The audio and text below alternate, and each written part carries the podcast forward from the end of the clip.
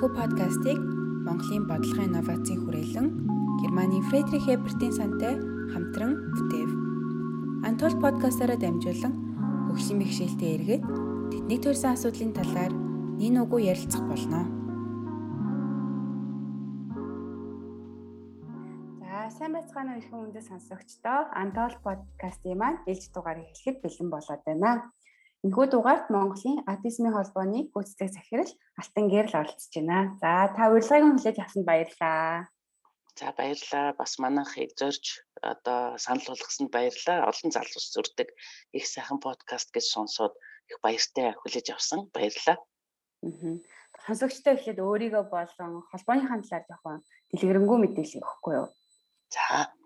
За э, намайг Алтан Гэрэл гэдэг. Би Монголын аутизмын холбоо гэдэг төрийн бус байгууллагын гүйцэтгэх захирлыг хашдаг.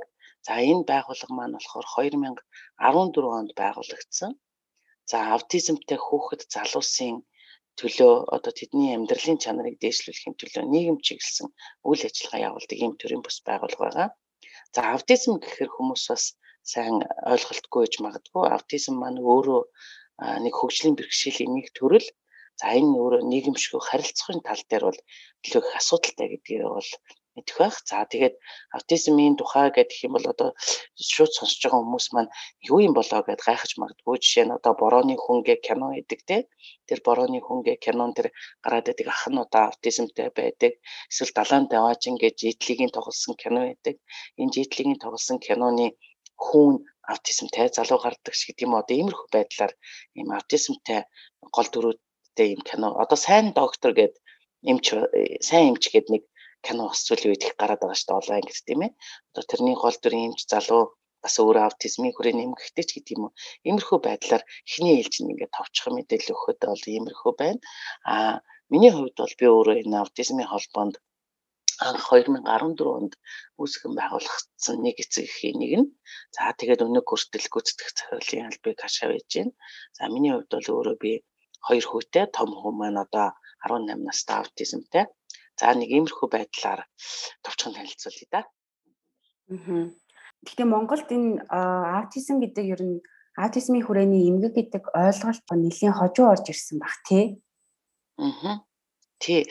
Ерөнхийдөө Монголд аутизмын талаар ярьж эхэлсэн нь болохоор 2010 он гэдэг юм билээ. За яагаад 2010 он гэж нэрлсэн бэ гэхээр тухайн үедээ нөгөө Адра гэдэг олон улсын байгууллага маань сэтгцийн эмчнэр бусад өөр мэрэгжлийн эмчнэрт гадаадын улс оронд одоо хөгжлийн бэрхшээлийг ийм ийм ангиллаар ангилж байна.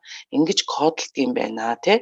Тиймэрхүү байдлаар ингээд ангилаад тэр нь болохоор энэ аутизм гэдэг нэр томьёо ойлголт болохоор 2010 онд яг сэтгцийн буюу одоо тухайн үеийн эмчнэрт одоо яг сургалтаар орж ирснээр энэ мэдээлэл явсан юм билээ. А тэрнээс ш 2010 онд манай Монголд нэг одоо вирус ч гэдэг юм уу те нэг юм дахиж орж ирээ тэр нь тарцсан бол биш. А ерөнхийдөө бол тэр ойлголт хандлага нь бол тухайн үед орж ирсэн гэсэн үг гэлтэй. Тэгвэл тэрнээс өмнө ерөнхийдөө бол буруу л оншилдог байсан гэсэн үг үү? Тий, ерөнхийдөө бол тэрнээс өмнө өөр онштой байсан л гэсэн үг. Ялангуяа одоо тухайн үедээ сэтгцэн эрүүл мэндийн үндэсний төвийн эмч байсан л да. Тэр эмч өөрөө ярьж исэн. 1985 онд бид нэр яг нэг 18 настай нэг залуу одоо эмчтний хурлаар ороод бид нэр бүр учрыг нь олохгүй 55 эмч нухай үуч нөгөө PD PD ямар юу гэдэг лээ педагог гэдэг л юу гэдэг лээ нэг эмчнэрийн зөвлөгөө тийм ээ за нэг тэр эмчнэрийн зөвлөгөөнөөр 55 эмч тойрч суугаад учрыг нь олохгүй хүн хэлбэрийн шизофрен гэдээ бид нэр онцлоод явуулж ирсэн юм аа 1985 он. Одоо эргээл тэр залуугийн гаргадаг үйлдэл байгаа байдал тэр болгоныг харахаар автизм байсан байгаа юм гээд нэг эмч тэгжсэн л та. Тэгээд ингээд бодохоор магадгүй 60 70 80 90 онд тийм ээ аутизмтай хүн байсан байх. А тухайн үед аутизм гэдэг ойлголт байхгүй, тийм ангилал байхгүй гэсэн учраас магадгүй шизофрен ч юм уу сэтгцэн өвчин ч юм уу те ямар нэгэн байдлаар ангилалт нэг юмд хамрагдаад явж исэн байх л гэж бодож байна. А тэгэхээр 2010 оноос хойшоо онцлогоонууд бол харцсангу аутизм гэдэг зөв нөгөө нэр томьёогоор онцлогдоод явж байгаа гэсэн үг. Тэгээд 2010 оноос хойш орж ирэнгүүтээ одоо өдөө хүртэл 11 жил өнгөрсөн байгаа шүү дээ. Тэгээд энэ энэ хугацаанд ерөнхийдөө аутизмын хүрээний эмгэгийн одоо эрүүл мэндийн салбар дах хүний нөөц ялангуяа тэрийг зөв оншилдог эмч одоо ажилтангууд ерөнхийдөө хэр бэлтгэж гарсан бэ? За энэ бол ерөнхийдөө төрийн бодлогоор бол хийгдээд явах ажил байгаа. За тэгээд Монгол улсад ерөнхийдөө эхлээд энэ онцлогоог хийхин тулд гадаадын улс орнуудад жишээ нь аутизмын хүрээний эмгэг, Дауны синдром гэд тус тустай ангиллалтай байдаг. Ангиллалтай гэдэг нь тус тустай ингээд бэрхшээл болгоо харцсан байдаг. А Монгол улсад та бүхэн мэдчихэж байгаачлан хөгжлийн бэрхшээл их тав ангилдаг.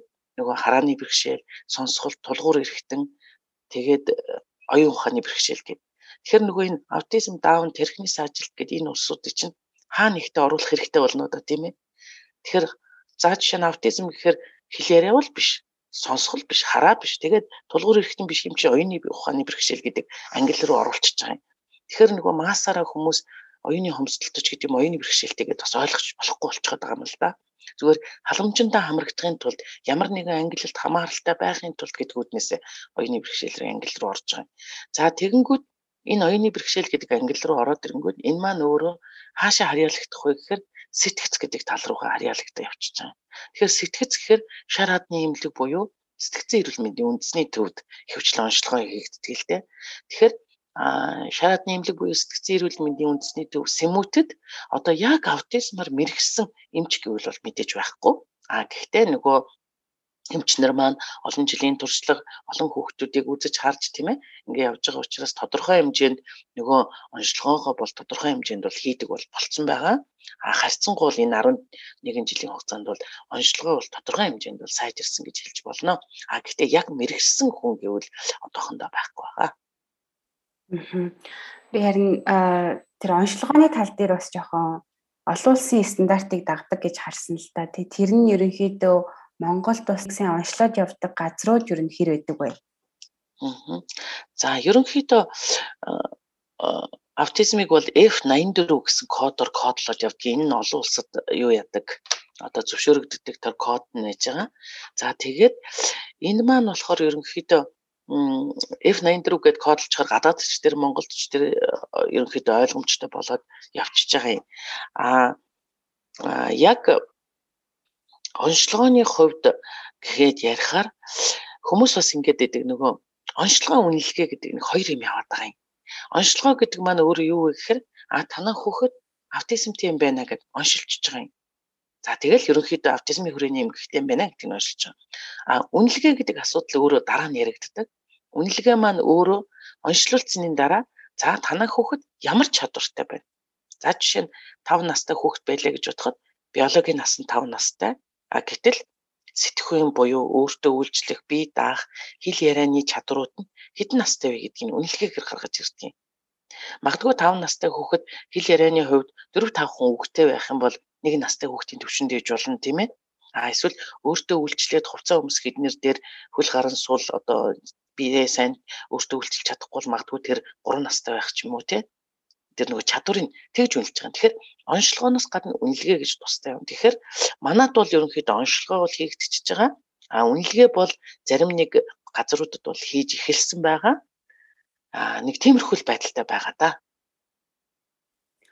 Аа тэгвэл одоо үнэлгээ хийхээрээ эрт одоо үнэлгээгээ хийлэгчүүл сайн ч юм уу тиймэрхүү зүйл байдаггүй. Аа.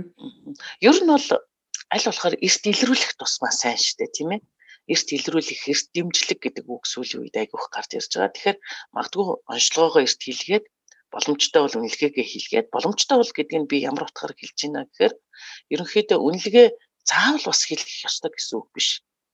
А гэхдээ огт хийхгүй байж хийхгүй байж болно гэсэн үг бас биш. Яг хүсвэл гэж байгаа юм тийм ээ. Үнэлгээгээ хийлгээд Тэгээ үнэлгээнээсээ хүүхдийн чадварыг тогтоож авах. Жишээ нь 5 настай хүүхд гэхэд за хэл яриа 1 настай юм байна. Би нь 3 настай юм байна. Өөртөө үйлчлэх юу хоол ундаа идэж явах дээр одоо өөртөө үйлчлэх чадвар нь 2 настай юм байна. Таны мэдэх нь ой 8 сартай юм байна гэдэг чадваруудаа мэдээд авчих юм бол эцэг их нөгөө хүүхдтэйгээ ажиллахдаа за энэ хэсэг нь арай жоохон сул байсан шүү. Тэгвэл энэ лүү түлхүү ажиллаж гэдэг юм уу тийм ээ. Тэр арга барилаа болоход ерөнхийдөө үнэлгээ чухал байгаа даа. А сүүлийн үед бол манад яг төрийн байгууллага буюу СМУТ ч гэдэг юм уу те? Төрийн ямар нэгэн улсын чанартай эмнэлгүүдэд үнэлгээ бол яг шууд хийгдэхгүй байгаа. Зүгээр нэг IQ үнэлгээч гэдэг юм уу тийм ээ? Тиймэрхүү юм хийж байгаа. Зүгээр ганц нэг э, хувийн байгууллагуудад бол үнэлгээ хийж байгаа. Тэр нь өөрөө жоохон тодорхой хэмжээний өртөг төлбөртэй байдаг гэдэг үднээсээ бас зарим хүмүүст бол тэр маань өөрөө хүндэрл ачаал болох болзошгүй. Тийм учраас заавал гэдгийг бол шаардахгүй. Хүсвэл та өөрөө гэдэг байдлаар л явж байгаа да. Тэгээ тэрнээс гаднаас аа яг энэ аутизмын талаар ямар одоо мэдлэггүй тэгээ яг хүүхэд нь нөгөө аутизмын шинж тэмдэг илрээд ахт чинь одоо өөрөө тэр эцэг эхчүүд нь аутизмын талаар мэдлэггүй хүмүүс юу их хэрэг байдаг ба Монголд таны бодлоор Аа тийм. Ерөнхийдөө нөгөө аутизм маань гаднаас харахад ямар ч тийм одоо шууд бие махбод мах бодит илэрх шинж тэмдэг сул цөөн байдаг. Одоо за яг зүгээр жишээлээд ингээд бодоход Дауны синдром гэх тийм ээ. Даунсын синдромтой хүүхдийг гаднаас харахад мэдэгдэг ч гэдэм эсвэл харааны бэрхшээлтэй хүүхдийг гаднаас хараад сонсголын тулгуур эрхтний тийм бэрхшээлтэй хүмүүсийг гаднаас хараад шууд мэдэр мэдэгдэг бол аутизмтай хүний хүмүүн хувьд гаднаас хараад ямар нэгэн шууд шинж тэмдэг байдаггүй. За гол асуудал бол нөгөө аутизм өөрөө гурван гол бэрхшээл байдаг. Нэгдүгээрх нь хэл яриа, хоёрдугаарх нь нийгэмшгүй, гуравдугаарх нь төсөөлөн бодох, аливаа зүйлийг тань мэдэх чадвар гэсэн энэ гурван зүйл байгаад байгаа юм.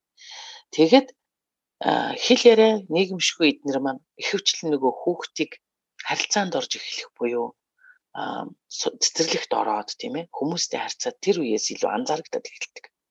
Тэгэхээр эцэг эхчүүд маань ялангуяа нөгөө гаднаас хараад анзаарагдах шинж тэмдэг байхгүй эсрэгээр нөгөө хүүхэд нь сургууль цэцэрлэгт ороод илэрхий шинж тэмдэг одоо анзаарагдаад байвал нийгмийн харилцааны явцад анзаарагдаад байвал анзаархаас биш бусад тохиолдолд барагтаа бол анзаардаг. За ялангуяа аутизмтай хүүхдүүдийн хувьд аутизм өөрөө дөрөв нэгийн харьцаатай гэдэг. Дөрөв нэгийн харьцаатай гэдэг нь юу вэ гэхээр тав хүүхэд байхад дөрөв нь эрэгтэй, нэг нь эмэгтэй гэдэг. За тэгэхээр ээж аав юу гэхээр а эрэгтэй хүүхэд оройд ч хилд ордгийн. Зүгээр зүгээр тий эсвэл аав нь өөрөө оройд ч хилд орсон юм. Зүгээр зүгээр ч гэдэг юм уу тий. Тиймэрхүү байдлаар нөгөө хүүхдийнхаа харилцааны хэл ярианы энэ хоцрогдлууд нь үнэхээр нөгөө аутизмтай холбоотой хоцрогдол байна уу? Аль эсвэл зүгээр бусад хүчин зүйл үү гэдгийг анзаарах тал дээр сул байгаа юм л да. За тэгээд анзаарсан ч гэсэн нөгөө гаднаа илрэх илэрхий шинж тэмдэг байхгүй нөхцөлд эцэг хүлийн зөвшөөрөхтэй их удаан байдаг. Тэгээ ялангуяа хүү гэдэг хүүхэд бол одоо бас үнэтэй шүү дээ тий ерөнхийдөө эцэг ялангуяа даавдын хувьд. Тэгээд ингээд ээж нь жишээ нь анзаараад манай хүүхд нэг л өөр байна гэхэд аав нь үгүй миний хүү тийм байх хэсгүй миний хүү зүгээр гэд ингээд те. Тэгээд энэ байдал маань бас яг ихэнх үедээ бүхэл гэр бүлүүдэд гардаг асуудлууд. Тэгээ явандаа энэ маань өөрөө хүүхдийнхээ нөхцөл байдлыг ойлгоход ирэхээр анзарч эхэлдэг л дээ. Тэгэхээр зарим талдаа нэг тиймэрхүү эцэг эхчүүд нэг жоохон сул хандчих гад байдаг шинж шинж зүйлүүд бол гардаг. Аха. Тэгээд эцэг эхчүүд ингэж сул хандж байгаа нь болохоор тухайн хүмүүсийн өөрсдөнгийнх нь одоо аутизмын хүрээний эмгийн талаарх ойлголтгүйгийнх үү эсвэл зүгээр хүсэхгүй байгаа гэсэн үг үү?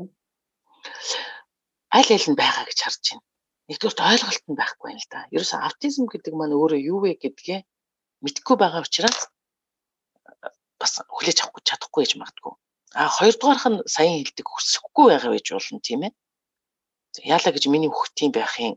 Одоо аутизм гэдэг ихээр ерөнхийдөө хөгжлийн бэрхшээлийн англи руу ороо явчихж байгаа. Тэгэхээр миний хүүхд хөгжлийн бэрхшээлтэй болоод тахт яа тийм зөв зүгээр л шүү дээ. Энэ явж ийн харж ийн өөрөө хоолоо идчихад чинь юу гэдгийг те. Одоо ингээд мэдээж тиймэрхүү байдлаар бас тэгэхээр айл айл нь байгаа ах гэж бодож байна. Ялангуяа энэ удаад бол би ойлголтыг илүү ярмаар байна л да. Ойлголтын тухайд бол ялангуяа нөгөө саяын буруу ойлголтууд тийм ээ. Угаасаа эрэхтэй хөхт оройтч хилд ордгийн ч гэдэм үү. Эсвэл зүгээр штэ зүгээр л байна штэ гэдэг ингээд босод хүмүүсийн нэг юм а одоо анзаарахгүй байдал ч гэдэм үү. Энэ зүйлүүд бас нөлөөлдөг. Дээрэс нь хөгжлийн бэрхшээл гэдэг манайхаар аюу тийм хүнд тусдаг. Хүнд тусдаг гэдэг нь ингээл ерөөсөө өөрөө юу ч хийж чадахгүй нийгмээс тусгаарлагдсан ямар нэгэн эд эрхтний гажигтай согогтой гэдэг юм байдлаар бид нэр нөгөө хүүхэд байхаас хүлээгээд авцсан болохоор тэр ойлголт нь өөрөө буруу байгаад байгаа юм. А аутизмын хүрээний эмэг маань өөрөө сайн ярьсан нөгөө харилцаа, нийгэмшгүй энэ тал дээр асуудал байгаа юм шүү гэдгийг ойлгочих юм бол магадгүй эцэг эхчүүд эрт нөгөөтхөө анзаараад эрт арга хэмжээ авахд үр дүнтэй байхаа гэж харж байна. Та сая харин хэллээ шүү дээ одоо хүмүүс ер нь хөгжлийн бэрхшээлийг хүн дээр хүлээж авдаг гэд. Тэгээ энэ нь ерөнхийдөө одоо хүмүүст боловсрлооч нөлөөлж байгаа гэж боддог уу? Багасаа одоо ерөнхийдөө хөгжлийн бэрхшээлийн талаарх боловсрал баг олгогдсон учраас хөгжлийн бэрхшээлийг тэгж хүн дээр хүлээж авч байгаа юу? Энийг бол би ингэж харж байна. Одоо одоо сүүлийн үед л яг тэг шамруулалт гэж яриад ерөнхий боловсролын сургууль донд нэг ганц нэг сул хараатай ч юм уу тийм ээ эсвэл ганц нэг бэрхшээлтэй хүүхдүүд бол явж эхэлж байна. А өмнө нь одоо энэ сүүлийн 20 30 жилийн жишээн дээр харахад яг та өөрийнхөө ангид одоо сайнаа тий өөрийнхөө ангид танай ангид хөгжлийн бэрхшээлтэй хүүхд байсан уу? Байгаагүй байгаагүй тийм. А хэрвээ ямар нэгэн тулгуур эрхтний ч юм уу, эсвэл сонсголын ч юм уу, эсвэл магадгүй баг зэрэг оюуны бэрхшээлтэй ч юм уу хүүхэд байсан бол та нар тэр хүүхдэд харж өссөн тийм ээ. Аа тэрэгцэртэй хүүхдэд ийм бэрхшээл тулгардаг юм байна. Сонсголын бэрхшээлтэй хүүхдэд ийм бэрхшээл тулгардаг юм байна. Оюуны бэрхшээлтэй чинь ингэдэг юм байна. Ангихээр бид нар ингэж туслаад өгөх юм байна. Энэ дээр нь өөрөөр нь орхичих юм байна гэдэг имийг та нар анханаас нь та нарт ерөөсөө хэлж өгөөгүй байхгүй. Дээрэс нь тийм орчин байгаагүй. Тэгэхээр энэ нөгөө хүүхдүүд маань хүүхэд байх үеэсээ биеэрээ мэдэрдэг, ойлгодог тэр одоо туршлагаа, туршилтаа бид нэр хийж чадаагүй байхгүй. Тэгээ хийж чадаагүй учраас өөрөө ирээдүйд тийм хүүхдтэй болохоор яагаад би гэж би ямар ч буруу юм хийгээгүй штэ баг те яагаад би баг шийтгэл амсах хэрэгтэй болчихвч гэдэг юм уу? Иймэрхүү маягаар хүлээж аваад байдаг. А гэтэл энэ маань өөрөө нийгэмд байдаг жирийн л нэг нөхдүүдийн нэг байхгүй. Нөгөө баавга олон янз үүдэг цагаан баавгач үүдэг пандач үүдэг боро баавгач үүдэг гэдэг шиг тийм хүн болгон олон янз байгаа байхгүй юу? Ер нь стандартын хүн гэж ер нь хаана байна тийм за одоо жишээ нь сайнаг стандартын хүн гэж үзэх юм бол бүх эмэгтэйчүүд сайн шиг болох ёстой үстэй Гэтэл өндөр наам, урт богино, бүдүүн нарийн те том алгнуудтай, онигор нүдтэй гэдэг ингээд явахаар хязгаарч стандарт юм байхгүй гэдэг шиг. Хөгжлийн бэрхшээлтэй хүмүүс бол яг хөө жирийн хүмүүс гэдэг нь энгийн хүмүүстэй харьцуулахад магадгүй нэг зүйлээрээ жоохон дутуу ээж болохоос биш. Тэр чинь ингээд бүр байж боломгүй гаж зүйл биш болчиход байна. Тэгэхээр энийг бид нэр багаас нь цэцэрлэгт байхдаа ч тэр сургуульд байхдаа ч тэр ингээд мэдрээд явчих юм бол нөгөө цочирдож хүлээж авдаггүй, хүн дээр хүлээж авдаггүй тэр нийгэм чинь бий болно. Эсвэргээр нөгөө хөгжлийн бэрхшээлтэй хүнэнч амьдралд илүү бэлтгэгддэг. Яг тэгвэл хүмүүстэйгээ зэрэг зэрэг зэрэгцэн оршин явчихж ш тийм ээ. Аа эсвэргээр нөгөө эрүүл хүмүүс нь ч гэсэн аа энд нэг юм бэрхшээлтэй хүн байдаг. Энийг онцлог нь тэгэхээр би энэ хүнд энэ үед нь туслана. А энэ үед нь би энэ хүнтэй харьцахгүй байж болно гэдэг одоо тэр бүх яг зааг ялгаагаа ойлгодог зүгээр байгаад байгаа юм. Тэр үднээс энэ сүүлийн үеийн тэг шамруулалт гэдгийг бас айгүйх дэмжиж байна л да. Тэгэхээр эцэг эхчүүд маань тэгсэн бас энэ тал дээр хүүхдийнх нь ангид нэг бэрхшээлтэй хүүхд байлаа гэхэд хол байгаарай, бити ойртоорой, бити тоглоорой гэдэг байдлаар хандхаас илүү аа тийм үү. За за тэгвэл найзтай хэрэгцээтэй үед нь туслаарай чи бас мэдээд аваарай гэдэг. Энэ маань өөрөө тэр хүүхдэд бас аюу өндөр боловсрол олгож байгаа байхгүй. Яг тэгвэл өөрийнхөө эрүүл сарвал байгаад тэр хүүхэд бас анзаарч эхэлнэ, талархаж эхэлнэ. Бусдад тусалдаг болж эхэлнэ, хүнлэг болж эхэлнэ. Тэгэхээр их олон зүйлүүд яригддаг. За жах урт ярьчихлаа. Зүгээр зүгээр. Аа тэгээ 2008 оноос та тэгш хамруулан сургах яамнаас тийм тогтоол гарсан гэдэг хэлсэн. 2018. Өө тийм уучлаарай 2018 оноос. Тэгээд Тэндээс тэр үеэс эхлээд ерөнхийдөө аутизмын хүрээний эмгэгтэй хүүхдүүд сургуульд ерхий боловсрын сургуульд ер нь явж эхэл чаддаг болсон гэсэн үг үү? Эсвэл өмнө нь ч гэсэн явдаг байсан уу? Тий. Ерөнхийдөө аутизмтай хүүхдүүд маань бас нөгөө олон янзлалтаа жишээ нь 10 хүүхэд байлаа гэхэд 10лаа өөр идгийн. Тэрнээс биш нэг аутизмтай хүнийг мэддэг бол бүх хүмүүс ийм гэж бас үзэж болохгүй. Тэгэхээр аутизм өөрөө дотроо нөгөө ангилагдана. Сонгодог аутизм, өндөр чадвартай аутизм, аспергер гэдэг энэ ангилагдаа явцдаг. Тэгэхээр магадгүй 2018 оноос өмнө баг маш хөнгөн тийм ээ хүүхдүүд маань бол тодорхой хэмжээнд ерөнхий боловсролын сургуульд бол хамрагдаа явж исэн. А 2018 оноос эхлээд тэр журам гарснаас хойш ерөнхийдөө сургууль хүүхдийг хүлээж авах үүрэгтэй болоод ирж байгаа. Тэгэхээр тэр хэмжээнд тодорхой хэмжээгээр бол хүүхдүүд бол хамрагдаж эхэлж байгаа. Аа мэдээж нэг ангид нэг ойролцоогоор нэгээс хоёр хүүхдүүд гэсэн байдлаар л явж байгаа. Гэтэл тэр нь заавал аутизмтэй биш тийм ээ. Нэг нь ямар ч бэрхшээлтэй байж болно. Ер нь бол хүүхдүүд хүлээж авах юм эрх зүйн орчин үүссэн гэсэн үг. За тэр хүрээндээ эцэг эхчүүд бол хүүхдүүдээ сургуульд бол хайрцангуй хамруулад эхэлсэн байгаа. Одоо хэдийгээр тэгэж хууль тогтоомж нь гарсан ч гэсэн яг сургуулиуд маань дэд бүтцээгээ хөгжим бэрхшээлтэй хүүхдүүдэд хандуулж хангаж чадсан болов? Аа. За ерөнхийдөө яг нөгөө журмын хүрээнд хүүхдүүд бол хамрагдаад явж байгаа. За аутизмтай хүүхдүүдийн хувьд бол дид үтцийн асуудал харьцангуй гайгүй. Одоо нөгөө налуу замч гэдэг юм уу тийм ээ заавал цахилгаан шат байх ёстой ч гэдэг юм уу эсвэл одоо нөгөө харааны бэрхшээлтэй хүмүүс зориулдаг тактилэн зам те эсвэл барайл үсгч гэдэг юм уу тийм шаардлага бол харьцангуй гайгүй байдаг а магадгүй тэрэгцэртэй хүүхэд ч юм уу явж эхэлж байгаа нөхцөлд тодорхой хэмжээнд тэр хүүхдийг анги руугаа орохт нь тийм ээ замын саадуудыг жоох налуу болгож өгч гэдэг юм уу босгоён байхгүй болгож гэдэг юм уу тиймэрхүү зүйлүүдийг бол хийж байгаа байх а зөвхөн сүүлийн үеийн энэ баригдаж байгаа сургуулиуд харьцангуй нөгөө универсал загвар гэдэг үднээсээ харьцангуй тэр нь шийдэгдээд яваад байгааг нь бас харахаар таатай байгаад идэг.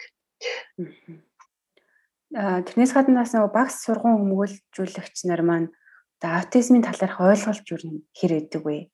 Аа. Бас нэлээд сүүлийн үеийн ойлголт болохоор зарим хүмүүс бол яг үнийг ихэд мэдэхгүй л явж байгаа шүү дээ, тэ? Аа. Тийм тийм. Ерөнхийдөө багш нар маань бол бас олон талтай байгаа. За үнэхээр аутизмтай хүүхдтэй ажиллаад явах хүсэл эрмэлзэлтэй багш байхад за бас угаас улсын сургуульч одоо хүүхдийн тоо их тийм ээ дээрэс нь дахиад нэг 50 60 хүүхэдтэй байж хаа дахиад нэг бэрхшээлтэй хүүхэд орж ирээд хизээ нь би ажиллах юм бэ гэж үзэгч бас хүн байгаа. Тэгэхээр аль алиг нь бол одоо бас буруутгах зөвтөх аргагүй. Гэхдээ нэгэн тал ийм журам гараад ирсэн учраас төр маань бас тэр хэмжээгээр зохицуултыг бас хийж өгөх ёстой гэж бодож байгаа. За харьцангуй багш нарын хувьд бол нөгөө багш гэдэг хүн чинь угаасаа өөрөө өөрөө сайхан ингээд хүн түгээн дэлгэрүүлээ заа гэдэг тэр хүсэл эрмэлзэл нь байдаг учраас харьцангуй сургалт янз бүрийн юмар дамжуулаад ажлыг болыг бүтээ гэсэн эрмэлзэлтэй багш нар бол их байдаг.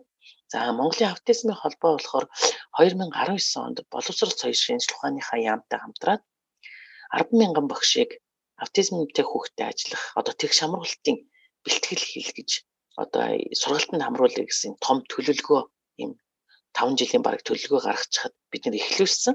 Тэгээд 2019 онд бид нэр Улаанбаатар хотын 9 дүүргийн 600 багшийг сургалтанд хамруулсан байгаа яамтай хамтраад. Энэ нь бол дандаа ерөнхий боловсролын сургуулийн бага ангийн багш нар нийгмийн ажилтан, сэтгэл зүйч, сургалтын менежер гэсэн ийм хүмүүсийг хамруулсан байгаа. Тэгээ харамсалтай нөгөө ковид гараад бидний сургалт маань одоо ингээд зогсчиход байна. А тэр үнтэй холбогдуулаад бид нийтдээ 8 удаагийн 6 удаагийн сургалтыг хийсэн. Яамн дээр өөрөө доотлол 80-аас 90 багш 100 багш цугласан. Тэгээд сургалтыг хийсэн бид нэр дүүрэг дүүргээр нь хийгээд 6 сургалтыг хийсэн. Энэ дээр бол сургалтандаа хийхдээ бид нэр аутизмтай хүүхдийн онцлог, аутизмтай хүүхдэд ажиллах арга зүй, дээрэс нь гарын авлагыг нэр бас гаргаж өгсөн байгаа. Тэгэхээр харьцангуй багш нартаа мэдээлэл түгээх ажлыг эхлүүлээд явж байгаа хэдий ч өөрөө бас урт хугацааны ажил л да энэ өөрөө тийм ээ. Тухайн багш маань хүүхдтэй ажиллана, туршлагаа хоримтлуулна. За тэгээд яг тэр арга аргачлал яг дараагийн хүүхдэд таарна гэсэн үг бас биш тийм ээ. Хүүхд болгоны онцлог нь өөр учраас. Тэгэхээр ямар ч үсэн эхлэлийг нь бол тавьсан тэг явж л байгаа. Багш нар маань харьцангуй олон талаасаа дэмжиж тэр чи одоо багш гэдэг хүн чинь дандаа тэр хүнд явдаг хүн шүү дээ тий тэр үднээс бид нэр бас хойшид бас сайхан хамтын ажиллагаанууд өрнүүлж чадах байхаа гэд найдаж байгаа. Одоогийн байдлаар танай холбоонд юу н хідэн аутизмтэй хүүхэд залуучууд бүртгэлтэй байдаг вэ? За манай холбоо 2014 онд байгуулагдаад тэрнээс хойш одоо 21 он гэхээр 7 8 дахь жилдээ үйл ажиллагаа явуулж байна. За яг манаа руу хандаад манай хүүхд аутизмтэй юм байна. Танад бүтгүүлчихье гэдэг энэ хандсан хүний байдлаар бол одоогоор нэг 800 орчим гэр бүл бүртгэлтэй байж байгаа. Тий.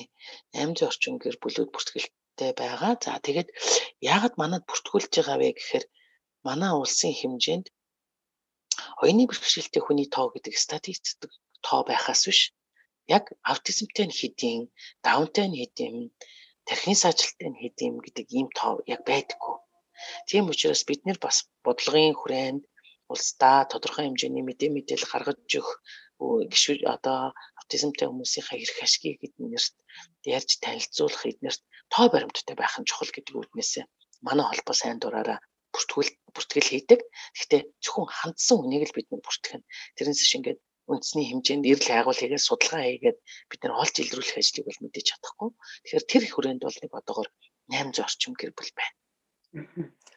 За тэдгээр аутизмтэй хүмүүс дотроос ер насны ангил нь хэрэгдэг бай. За одоогоор хамгийн өндөр настай хамгийн өндөр настай нэг хөгшин шиг юм болчихлоо тий. Нэг 31 2-тай л хүн байна да. Аа. Магадгүй нөгөө өмнө ярьжсэн тий нөгөө дээр үед бол бас өөр онцтой мөртлөө аутизмтай хүмүүс байхыг үүсэхгүйгээд одоо тэрийг бол хэлж мэдэхгүй байна. Зүгээр яг бид нэр 2014 оноос хойш бүртгэлээрээ 2010 оноос хойш онцлогдсон хүмүүсийн дунд ингээд явхаар 31-тэй. За тэгээд ерөнхийдөө аутизм өөрөө 2 наснаас ихэвчлэн их онцлогддог. 2 наснаас гэдэг нь нөгөө яг цэцэрлэгт яваад нийгмийн харилцаанд ороод э, ялгаатай байдал нь анзаарагдаад эхэлдэг үе байгаа. Тэгэхээр 2 наснаас хойших буюу 10 нас хүртэлх хүүхэд бол одоо яг бүртгэлтэй хүмүүсийн бараг 70% эзэлж байгаа. За тэгээд 10-аас 16 нас хүртэлх нь бас нэг 20% байна. За тэгээд 16-аас дээшээ 18-аас дээшээ нэг 10% ч гэдэг юм уу. Тэг 10 арай хүрэхгүй хаа нэг 5 7% ч гэдэг юм уу. Нэг тиймэрхүү байдалтай. Ерөнхийдөө дийлэнх нь 2-оос 10 насных ингээд ойлгочих болох байхаа. Аа. Тэгвэл одоо ерөнхийдөө нийгэм одоо жоохон аутизмын талаар ингээ ойлгоод ирэнгүүт аа манай жишээлх юм бол манай одоо энэ ах ч юм уу 30 40 настай эсвэл 50 магадгүй 60 настай тийм хүн аутизмтай байсан юм байна гэж ер нь хурж ирээ дахиж тийм хандчихсан тохиолдол ер нь байгаа юу? Аа зүгээр мерсээр холбогддгийн одоо яг одоо ингээл танаа фейсбુક мөг юм хмыг ингээ харахаар яг багтаа хийжсэн залуудаа хийжсэн үйлдэлүүд нэг автизмтэй хүн шиг байдгийн гэд тийм ээ. А тиймэрхүү ганц нэг хүн бол байсан. А тэрнээс яг тэр хүн өөрөө давхиж ирээд гэдэг юм уу гэрийнхэн давхиж ирээд одоо энэ хүнийг яах вэ гэдэг асуудал мэдээж ярихдаггүй тийм ээ. Манайх ч төрийн бус байгууллага ямар нэг эмнэлгийн мөмчлөгээний янз бүрийн үйлчлэл үзүүлдэг газар биш. А дээрэс нь аутизм өөрөө өвчин биш учраас нөгөө янз бүрийн э, эмчилгээ э, сувилгаа асаргаа хийн гэсэн байхгүй а янз бүрийн сургалтын аргууд терапинууд бол байдаг. Гэхдээ одоо магадгүй 40 хүрсэн, 50 хүрсэн, 60 хүрсэн үнд одоо өөх хөв тийм ээ. Тэгэхээр амьдралынхаа хугацаанд магадгүй тэр хүн яг нөгөө амьдралын практикаар тодорхой хэмжээнд бас амьдрал төлөвшөөл тийм ээ бэрхшээлтэй учрахтай учраад туулахтай туулаад тэгэл явж байгаа багтаал гэж харж байгаа. Аха. Аа тэгээд бас нөгөө 800 гаруй гэр бүл бүртгэлтэй байдаг гэснээс ихэнхэн хотын хуу орон нутгаас баг хүмүүс юу н байдаг уу? За ер нь бол хотынх дийлэнх шүү. Хөдөө орон нутгаас бол холбогддог, холбогддог. Тийм ер нь бол масс дийлэнх нь хотынх за бас гадаадас их холбогддог. Гадаад чинь бас харьцангуй баг 10 10 орчим хувь нь байж магадгүй. Тэгэхээр баг 80 100 орчим гэр бүл гадаадд байхыг үгүйсэхгүй. Яг тэгвэл гадаад чинь харьцангуй нөгөө мэдлэг мэдээлэл сайтай тийм ээ ойлголтоо авчдаг, тэнд онцлогоо үнэлгээгээ хийлгчдэг, нөө системтэй үйлчлэгээ авчдаг. А тэгээд тэд нар чинь мэдээж Монголд ийм үйл ажиллагаа явуулдаг байгууллага байна гэхээр бид нэр лүгөө холбогдно, бүртгүүлэн дээрэс нь гадаадад ийм их сурвалж гарч гадаадад ийм юм хийж байгаа юм байна гэд мэдээлэлээ хуваалцсан тийм ээ. Тийм байдлаар байгаа. За орон нутгаас бол мэдээж холбогдно. Харцангуй тэгэл ерөнхийдөө одоо ч нөгөө цахим холбоо сүлжээ тийм ээ фейсбુક янз янз юмар хүмүүс их холбогдсон. Дээрээс нь хэвлэл мэдээллийн хэрэгслэр одоо 4-р сар чинь аутизмыг таниулах сар байгаа. Тэгээ иймэрхүү байдлаар ингээд мэдээлэл өгөөд явчихаар хүмүүс бас үдсэн харсан хүмүүс али тэрийн холбогдороо манай нэг тэр тэгдэг энэ ингэдэг гэд зарим нь бас биш ч хүмүүс байна л та тийм ээ. Тэгэхдээ ерөнхийдөө бол бас холбогдно холбогдно. Аха Тэгээд энэ танаас асуух гээд байгаа зүйл нь гэх юм бол ер нь хот хөдөөгийн ялгаа нь ер нь хэр байна даа л гэж асуух гээд байна л да. Тэгээд магадгүй бас та сургалт хийгээд бас хөдөөч явж исэн байх. Хотод ч бас 600 гаруй багш нар заасан гэж сая ярьлаа. Тэгэхээр ер нь хүлээж авч байгаа хандлага нь бас хот хөдөөгөр ер нь ялгарч гин үү гэдгийг танаас асуух гээд байна. Аа. За. За мэдээж хот бол дийлэнх нь байгаа. За хотын хүмүүс бол харьцангуй мэдээлэлтэй ойрхон. За адгийн наазах нэг ийм нэг гарын авлага тохимол гарлаа шүүхэд хотын иргэн бол холбоон дээр гүйж ирээд авчих боломжтой. За хөдөөнийхэн бол мэдээж боломж муутай мэдээллээс хол. За дээрэс нь тэр болгон хүмүүс бас энэ интернет ашигладаг билүүгүй үлээ гэдэг асуудал гарч ирнэ. Тэр үүднээсээ мэдээж хөдөө орон нутгийнхан бол мэдээлэлээс жоохон хоцрогдсон байдалтай байх бол тохиолдол байдаг. Аа хөдөөгөөр бол ихэвчлэн хамгийн том асуудал юу вэ гэхээр сургалт мургалт ингээд хийгээд явхаар жишээ нь сумдаас гарч ирэх гэдэг асуудал бас хэцүү л дээ. Одоо бид нар чинь сум болгон дээр тойроод явж чадахгүй шүү дээ. Нэг аймгийн төв дээр ч юм уу тийм ээ сургалт ингээд хийгээд мэдээлэл өгөөд явъя гэхээр аймгийн төв дээр байгаа хүмүүс л ирж оролцоод а яг суман дээр байгаа ч гэдэг юм уу эсвэл яг малчны хотонд байгаа ч гэдэг юм уу тэр хүмүүс маань жоохон үлдчих гээд идэг талтай байдаг. Тийм. Гэхдээ энийг одоо ямар ч арга байхгүй яг гэвэл бид өөрсдийнхөө боломжоор нөөц бололцоогоор л хийж байгаа учраас яг үндэсний хэмжээний нөгөө мал тооллого гэдэг шиг бид нэр ингээд бүтэн өрх болгоноор ороод тоолоод явж чадахгүй л дээ тийм ээ. Тиймэрхүү асуудлууд гарч ирдэг байна. Мэдээллийн хувьд бол яг харахгүй хөдөө орон нутгийнх нь арай жоохон мэдээлэлээс холдоод хомс байгаад идэг. Тэгвэл ерөнхийдөө Монголд гарч байгаа статистик бол нэлээд одоо бага тоогоор гардаг гэж ойлгож болох юм байна. Ер нь дэлхийн нийтэд одоо ерөнхийдөө статистик тоо баримт ерөнхийдөө хэр эдэг вэ? Оо тий. Манайх бол ерөнхийдөө бодиттой тоо гэхэд хэцүү. А гадаадын улс орнууд бол маш сайн бүртгэл тооцоогоо хийдэг. За 2018 онд Америкийн гаргасан судалгаа байдаг. Энд 68 хүүхд тутмын нэг нь гэж байгаа. Тэгээд а биш 16 онд 14 онд гаргасан тоогоор 68 хүүхд тутмын нэг байсан. А 2018 оны тооцоогоор 58-д нэг байсан. Тэгэхээр энэ тооч нэг тийм нэмэгдээд байгаа зү тийм ээ. Тэгэхээр 58 за гэдэг бодоод 58-д нэг гэдээ утгаар Монголд бол яг тэдэд тэд гэсэн тоо бол байхгүй.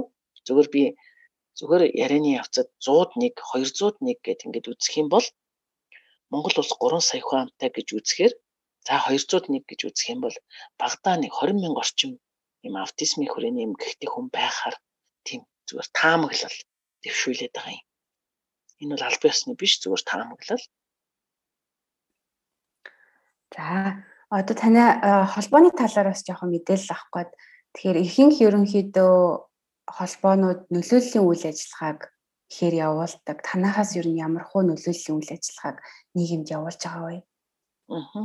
За тэгэхээр манайх бол 2014 онд байгуулагдаад Autism Association Mongolia гэдэг Facebook хаяг байгаа. Мөн Autism Цэг Эмэн гэдэг вебсайт байгаа. За үүгээрээ дамжуулаад ерөнхийдөө мөн телевизараа дуу зурагт дараа дуугаар дамжуулаад гол нь нийгэмд ойлголт хандлагыг зөв үгүй зөв мэдлэг мэдээлэлтэй болгоё гэдэг байдлаараа янз бүрийн видео шторк за тэгээд э, постэр танилцуулга тийм зүйлүүдийг бол хийж ирдэг. За ялангуяа одоо дөрөвдүгээр сар маань өөрөө 2008 онд нэгдсэн үндэсний байгууллагын ерөнхий ассамблеас жил бүрийн дөрөвдүгээр сарын 2-ны өдрийг аутизмтэй хүмүүст зориулсан нэгсэн аутизмыг таниулах өдөр болгож тунхагласан байдаг. Энэ өөрөө ямар үднэс ингэж тунхагсан бэ гэхээр аутизмтай хүмүүсийг зөвөр ойлгоё, хүлээн зөвшөөрье. Дээрээс нь ялгарлан гадуурхалтыг зогсооё гэдэг үднэс анх 2008 онд энэ ерөнхий ассамблеас гаргасан байт.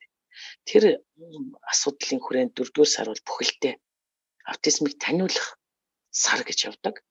Зарим нэг хэвлэл мэдээллийн хэрэгслэр аутизмтэй тэмцэх гэдэг юм байдлаар идэг. Тэмцэх бол биш шүү. Энэ бол юутай ер нь бол аутизмтэй тэмцэх гэдэг асуудал байхгүй. Аутизмыг таниулах гэдэг байдлаар орж ирж байгаа. За энэ хүрээнд ч гэсэн манайх 4-р сард бас ерөнхийдөө олон нөлөөллийн ажлуудыг төлөвлөж байна. А гол бидний нөлөөлөл бол ерөнхийдөө тэгэл дандаа Facebook тийм ээ интернет ийм байдлаар бол хүрэж байгаа.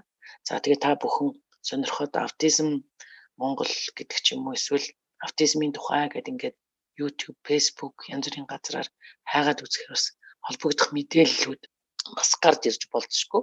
Тэгэхээр тэрийг бас нэг сонирхоод үзээрэй гэж хүсмээр байна.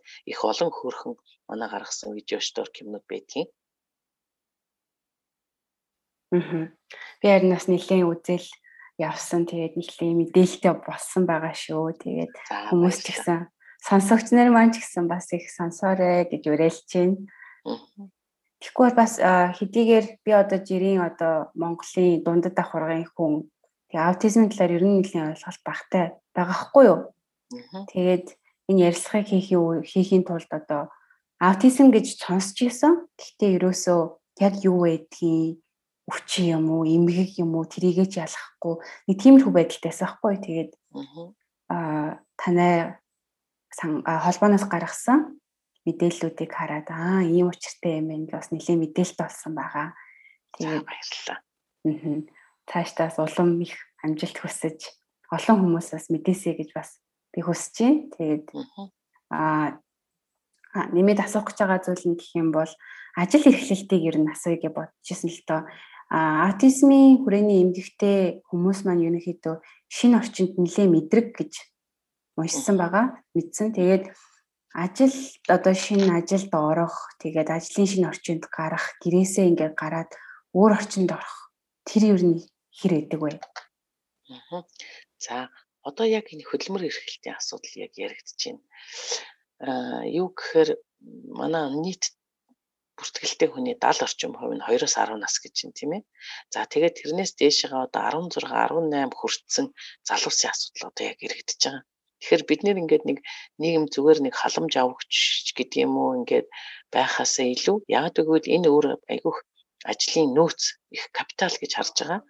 Яг тэгэхээр аутизмтай хүмүүс бол нөгөө янз бүрийн хөл гарын тулгуур эрхтний бэрхшээл саад байхгүй учраас тэр хүмүүсийг бол ашиглаад ажилуулад явах бүрэн боломжтой. А ганцхан манай нөгөө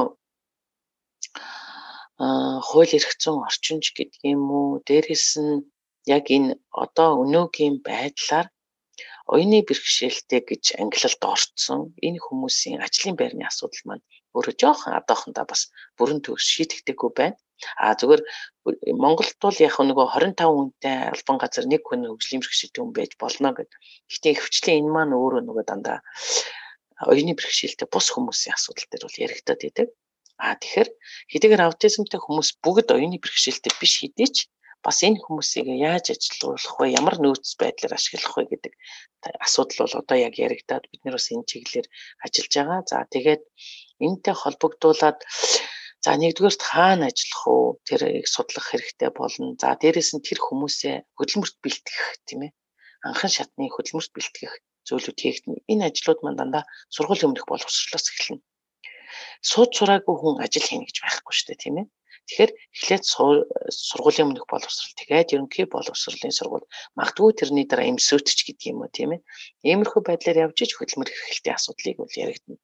А таны яг сая асуучсан асуусанчлан аутизмтай хүмүүсийн хувьд бол шинэ орчин нөхцөл нь өөрөө э, одоо мэдрэг байдаг гэдэг иймэрхүү хүчин зүйлүүд бол гарч ирнэ. А энийг тодорхой хэмжээгээр нөгөө хүүхдүүд маань сургуулийн өмнөх боловсрол ерөнхий боловсролоороо даваад тэр дамжлагуудаа даваа явуучих нь а ажлын байран дээр ирсэн нөхцөлд тухайн ажлын байрны холбогдох хүмүүстэй нь одоо ярьц тохиролцоод ямар ажлын байранд байх вэ? Ямар орчин нөхцөлд байх вэ гэдгийг дараа нь шийдэж болох байхаа гэж бодож байна. Тэгэхээр эхний ээлжинд нөгөө хөдөлмөр эрхлэх гэж байгаа хүн маань тодорхой хэмжээнд бэлтгэгдэх хэрэгтэй. Гэхдээ бэлтгэгдэнэ гэдэг маань яг жирийн хүн шиг шалгалтын нөгөөд бүх хүмүүстэй адилхан өрсөлдөөд яг тэнцээд орно гэдэг тийм шалгуур биш. А аутизмтай хүний хувьд тодорхой хэмжээнд ажиллах бэлтгэлтэй байна. А тэр хэмжээнд нь албан байгууллага ажил олгогч маань хүлээж аваад тэр орчныг бүрдүүлээд тэр хүнийг капиталын хувьд ашиглах тэр тогтолцоог нь бүрдүүлнэ гэсэн нэг юм хоёр талын юм яваад байгаа. Тэгэхээр магадгүй тэр мэдрэг байдалч байд юм уу тэр шинэ орчин дасан зохицох эсвэл аливаа юмыг хүлээж авах гэдэг энэ асуудлуудыг явцдаа ингээд шийдвэрлэе явуулах хөдөлмөр эрхлэлт гэдэг асуудал нэг тийм хүнд асуудал биш байхаа гэж харж байгаа. Одоогийн байдлаар ерөнхийдөө аутизмын хүрээний эмгэгтэй хөдөлмөр эрхэлж байгаа та кейс мэдэх үү? За яг хөө зүгээр нэг Asperger гэдэг нэг хөнгөн тийм ээ одоо аутизм чи өөрөө бас дотор ангиллалтай. Хөнгөн нэг ганц хоёр залуус бол ажил эрхэлж байгаа. Тий. Аа гэхдээ нийтлэгээр л бол ажил эрхэлдэг болчихвол зүгээр байгаад байгаа тийм ээ. Тэгэхээр энийг бас бодоод хошдынхаа бас үйл ажиллагаанд төлөвлөөл явж байгаа тий. Тэгвэл тэ ихэнх нь ажил эрхлэлээгүй одоо гэртээ байгааг эсвэл зарим нь одоо сургуульд явж байгаа гэсэн үг шүү дээ. Тэгэхээр цаашдаа ажил эрхлэлт гэдэг юм ерөнхийдөө хөндөгдөж ярихгүй бол энэ хүмүүс чинь насаараа гэр бүлтэй гэр бүлийнхаа одоо карьянд тэгээд бие даа чадахгүй байна гэсэн үг үгүй. Аа. Тийм ерөнхийдөө одоо яг туршлага нь юу гэхээр 10 жилийн сургуулаа төгслөө. Тэгээд тэрнээс цаашаа нөгөө явах газар үгүй гэдэг шиг болчиход байгаа байхгүй. Тэгэхээр энэ асуудлыг шийдэхийн тулд магадгүй цаашаа эмсүүдэд суралцах шаардлагатай бол эмсүүдэд суралцаад тэгээд цаашаа ажлын байранд гарна. А хэрвээ ажлын байранд тэр хүн гараад ирэх юм бол нөгөө саяхан ирсэн хүмүүстэй харилцах чадвар сайжирна, нийгэмшгүй сайжирна, магадгүй бие дааж амьдрах чадвар сайжирна тийм ээ. Энэ хүрээндээ нөгөө гэртээ суудаг гэрийнхнийхээ нэг одоо асран хамгаалдаг нэг тэгэхээр ямар ч тийм зориггүй зорилтгүй нэг тийм хүн болохоос урьдчилан сэргийлж байгаа юм. Инхийн тулд нөгөө саяхан ярьсан сургуулийн өмнөх боловсролоос нь ABC-с нь нэг ангид хүүхдүүд ингээд байгаад ирэх юм бол магадгүй ажлын байран дээр аутизмтай хүн хажууд нь ажиллаж илаа гэхэд багаасаа аутизмтай хүнийг хөгжлийн бэрхшээлтэй хүнийг мэддэг залуус бол тоохгүй шүү дээ тийм өө байж л байдаг. Аа ингэж харьцуул болно. Ингэж харьцуул болохгүй гэд зөкстэй юм мэдээ явчихдаг учраас тэр ерөөсөө ирээдүйд ямар нэгэн асуудал болж гарахгүй гэж бодож байна. Тэгэхээр энэ үүднээс нь өсто системтэй л анхнаас нь аль аль талтай явчих боломжтой гэж харж байна. За сая хүртэл танаас болохоор аутизмын холбооны гүйцэтгэх захирлийн үүднээс ингээ бахан асуулт асуулаа. Одоо болохоор би таныг яг аутизмтай хүүхдээ хүүхдтэй Монголын иргэн хүний хувьас одоо ингээд танаас асуух гэж байгаа байхгүй юу? За. Тэгээд таны ерөнхийдөө хүсэл мөрөөдөл ер нь юу вэ? Аа. За. За зүгээр л зүгээр л хувь хүний хувьд асуусан бол одоо дэлхийгээр аялах ч гэдэг юм уу гой гой юм ярих байх. А зүгээр яг аутизмтай хүүхдтэй ээжийн хувьд юу вэ гэхээр аа за хүүхдээ үлдээгээд үхэхтэй сэтгэл амар. За энэ нь юу вэ гэхээр за мэдээж миний хувьд бол би хоёр хүүтэй. Том нь 18-тай, бага нь 11-тай. Тэгээ том нь өөр аутизмтай. За 11 настай эрэгтэй дүүн байна. Тэгвэл аа дүүн юм уу, ах нь юм уу, эгч нь юм уу, хэн нэг нь заавал тэр хөгжлийн бэрхшээлтэй хүнээ асрах тийм нэг ялтай юм шиг үлдээмэргүй байгаа байхгүй. Одоо яг зүгээр Монгол улсын хувьд бол ах дүүсийн харилцаа гэдэг бол чухал тийм ээ. Би дандаа бие бинийгээ дэмжиж явдаг тийм тогтолцоо. Тэгэхдээ ирээдүйд нийгэм өөрөө өөрчлөгдөж байгаа. Дээрэс нь дүүн ч гэсэн өөрийн гэсэн амьдралтай. За дүүн ч гэсэн өрөөдүүд өөрөө гэр бүлтэй болоод ирнэ. Тэр үед ах нь гэд нэг хүнийг ингээд дандаа маллаад чирээд аваад явах бас хэцүү. За тийм ялыг би жишээ нь ирээдүйн бэрдээч тулгахад хэцүү байхгүй тийм ээ. Чи миний хүүтэй сууж байгаа бол чи заавал ахыг харж явах хэрэгтэй шүү гэдэг юмыг би хэлж чадахгүй болчихж байгаа. Тэгэхээр ерөнхийдөө хүүгээ би дагаад өөрөө үлдэхэд нь өөрөө өөрөө үлдэх гэдэг нь би дагаад тодорхой хэмжээний одоо өдөр тутмынхаа амьдралыг хийгээ явцдаг. А шаардлагатай магадгүй гэрээ хилцэл хийх ч гэдэг юм уу? Нэг том худалдан авалт хийх гэдэг юм уу? Тэр үед магадгүй дүүн ч юм уу? Дүүгийнх нь эхнэр нь ч юм уу тийм ээ? Цуг яваад өгчдөг. Тийм л байдлаар үлдэхийг хүсдэг. Тэр хүрээндээ би одоо хүү том хүүгээ хоол хийж сургаж гэрээ цэвэрлж сургаж гэдэг юм уу тийм ээ? Тийм байдлаар харж байгаа. Тэгээ манай хүүгийн хувьд бол ерөнхийдөө зураг зурх дуртай. Тэгээд одоо анимад өрсөлдөх хурлаг дизайны сургуулийн 3 дугаар курсын оюутан. За тэгээ яг зүгээр сонирхсан хүн фэйсбүүкээр хайвал аутизмтай зураач хувьт гэд хайхаар бас гарч ирж магадгүй. Тэгэхээр яг би бол ерөнхийдөө нэг жоохон өөдрөгөр тийм ээ нэгсэндээ дүүдэнч дарамт болохгүй ирээдүйн бэрдээ гэр бүлтэнд дарамтлахгүй хөө маань өөрөө биеэ дагаад болвол нийгэмд өөрөө татвар төлөгч болоод биеэ дагаад цаашлуул бүр гэр бүлтэй ч болвол тийм ээ. Тэгээс л гэж одоо миний мөрөөдөл байна да. Аа. Мөрөөдөл нь бэлэх болтугай. Баярлалаа. Тэгээ та бас өөрөө холбооныхоо үйл ажиллагаанд ингэж идэвхтэй оролцож байгаа юм чинь. Сайхан ирээдүй ирэх баха. Аа. Баярлалаа. Бодож чинь. Аа. За танай одоо хүүхдийн талаараас асуух гад ерөнхийдөө дотоод одоо сэтгэл нь ямар хөө хүүхдээ Аа. Манай хүүгийн хувьд бол ерөнхийдөө аутизмыг нэг гурван ангилтгийн дотор нь сонгодог аутизм, өндөр чадвартай аутизм, аспергер гэдэг. За сонгодог аутизм гэдэг нь ерөнхийдөө хүнд тал руу орно л доо. Тийм. А манай хүүгийн хувьд бол сонгодог аутизмд ордгийн. А тэгвэл хэл яриа бол нөгөө зөвхөн хэрэгцээгээ илэрхийлдэг. За тэгээд харьцангуй нөгөө бие дах чадвар нь бол гайгүй, дажгүй. За мэдээ дотоод сэтгэлээ би жишээ нь ээжээ ийм юм бодож гин, би тэгж бодож гин гэж бол мэдээж илэрхийлж чадахгүй. Тэгэхдээ маш их сайхан зөөлөн сэтгэлтэй. Тэгээд юмыг айгүй тийм боддог, их удаан боддог юм шиг санагддаг. Тийм тэгээд а ерөнхийдөө хандлага тэгээд хүнтэй хандж байгаа хандлага харилцаа эднэрээс нь ингээд хараад үзэхэд бол үнэхээр одоо их тийм үр зөөлөн их сайхан сэтгэлтэй юм шиг надад санагддаг та.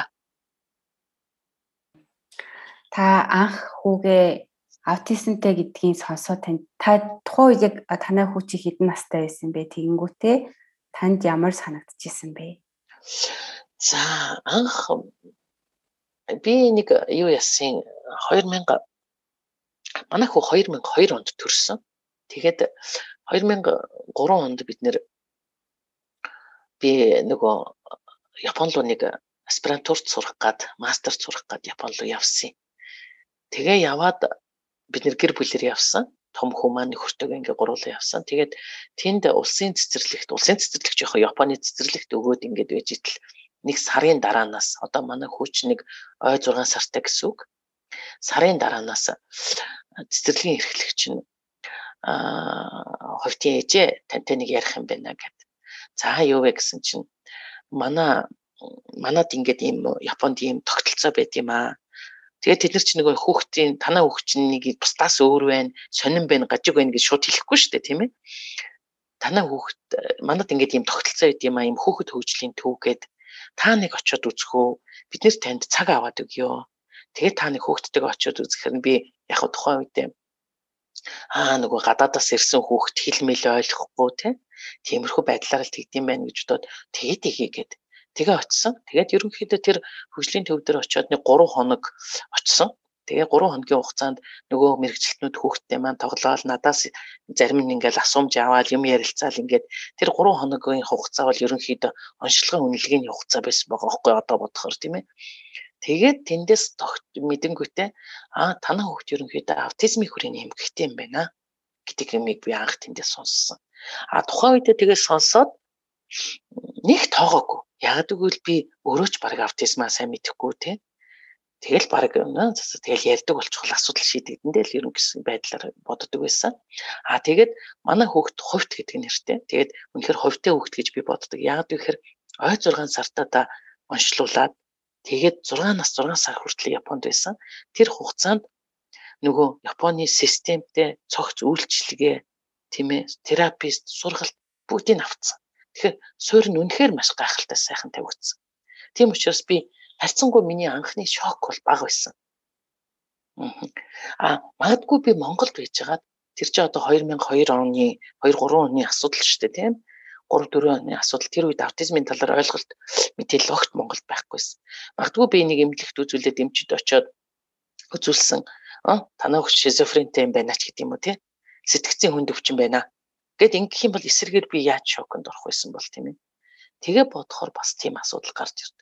Тэгэхээр бас нэг бодлын гадаадд бас сонссон дээрээс нь системтэй үйлчлэгээ аваад ирсэн учраас би өөрийгөө азтай тооцдог хүүгээч бас азтай тооцдог.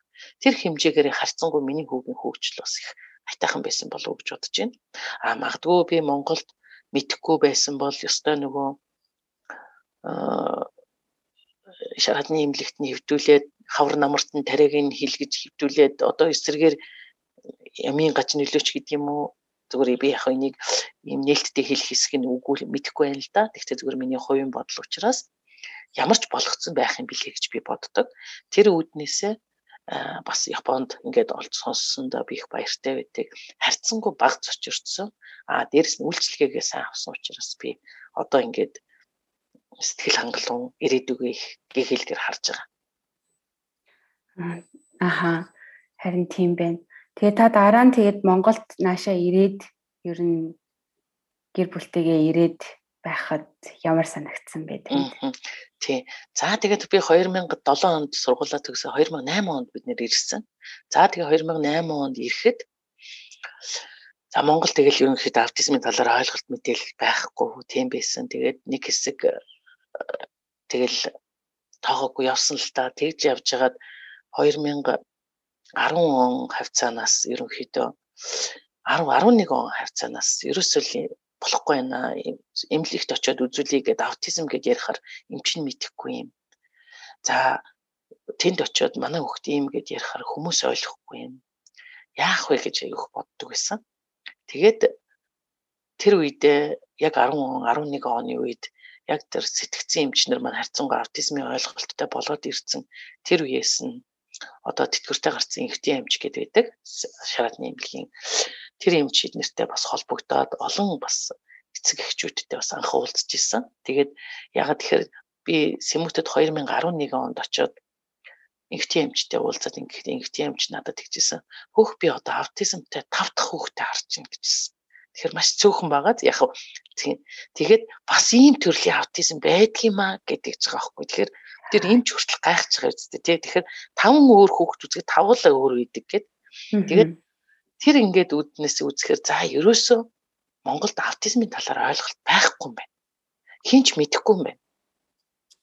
Тийм учраас ямар нэг юм хийх хэрэгтэй юм байна гэд тэгээд тэр ёстой тэр таван хүүхдийн нэг хоёр нь ч гэдэг юм уу тэрнийх нь ээж аавдтай бас тэр эмчээрээ дамжуулж холбогдоод бас танил талынхаа хүрээгээр холбогдох хүмүүстэй нийлүүлзаад ингээд бид нэр ерөнхийдөө нэг 13 он хавцаанаас ярилцж хагаад тэгээ нэг 14 онд нэг сард бид нэр холбоогоо байгуулж ирсэн. За нэг ийм л процесс тулсан да. Аа. Танд ер нь одоо бага насны аутизмтай хүүхдүүдийн эцэг ихт ер нь өгөх зөвлөгөө. Аа. За аутизмын шалтгаан одоогоор тодорхойгүй. Юунаас болсныг хэн ч мэдэхгүй. Дэлхийн шинжлэх ухаан хайж ил байна, судалж ил байна. Тийм учраас аутизмтай боллоо гэд битгий бие бинийгээ буруутгаарай.